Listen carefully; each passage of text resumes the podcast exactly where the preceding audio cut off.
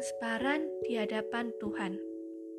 Ibrani 4 ayat 13. Dan tidak ada suatu makhluk pun yang tersembunyi di hadapannya, sebab segala sesuatu telanjang dan terbuka di depan mata Dia, yang kepadanya kita harus memberikan pertanggungan jawab.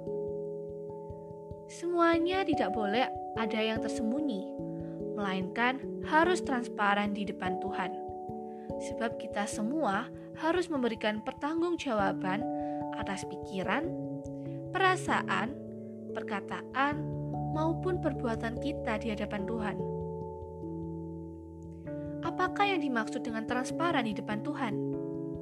Hidup ini harus mau diamati, diteliti, dinilai, dan dievaluasi oleh orang lain. Hidup kita harus seperti surat yang terbuka yang dapat dikenali dan dibaca oleh semua orang, sehingga mendatangkan kepujian bagi nama Tuhan. 2 Korintus 3 ayat 2 Hidup kita tidak boleh ada yang kita tutup-tutupi atau sembunyikan, baik di hadapan Tuhan maupun di hadapan sesama.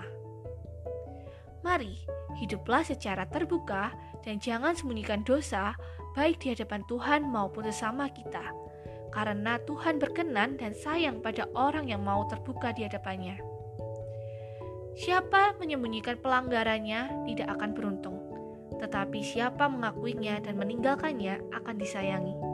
Amsal 28 ayat 13 Jadi hidup kita harus menjadi terang dan berjalan dalam terang, bukan dalam kegelapan. Jangan ada kepalsuan atau kemunafikan. Thank you and God bless you.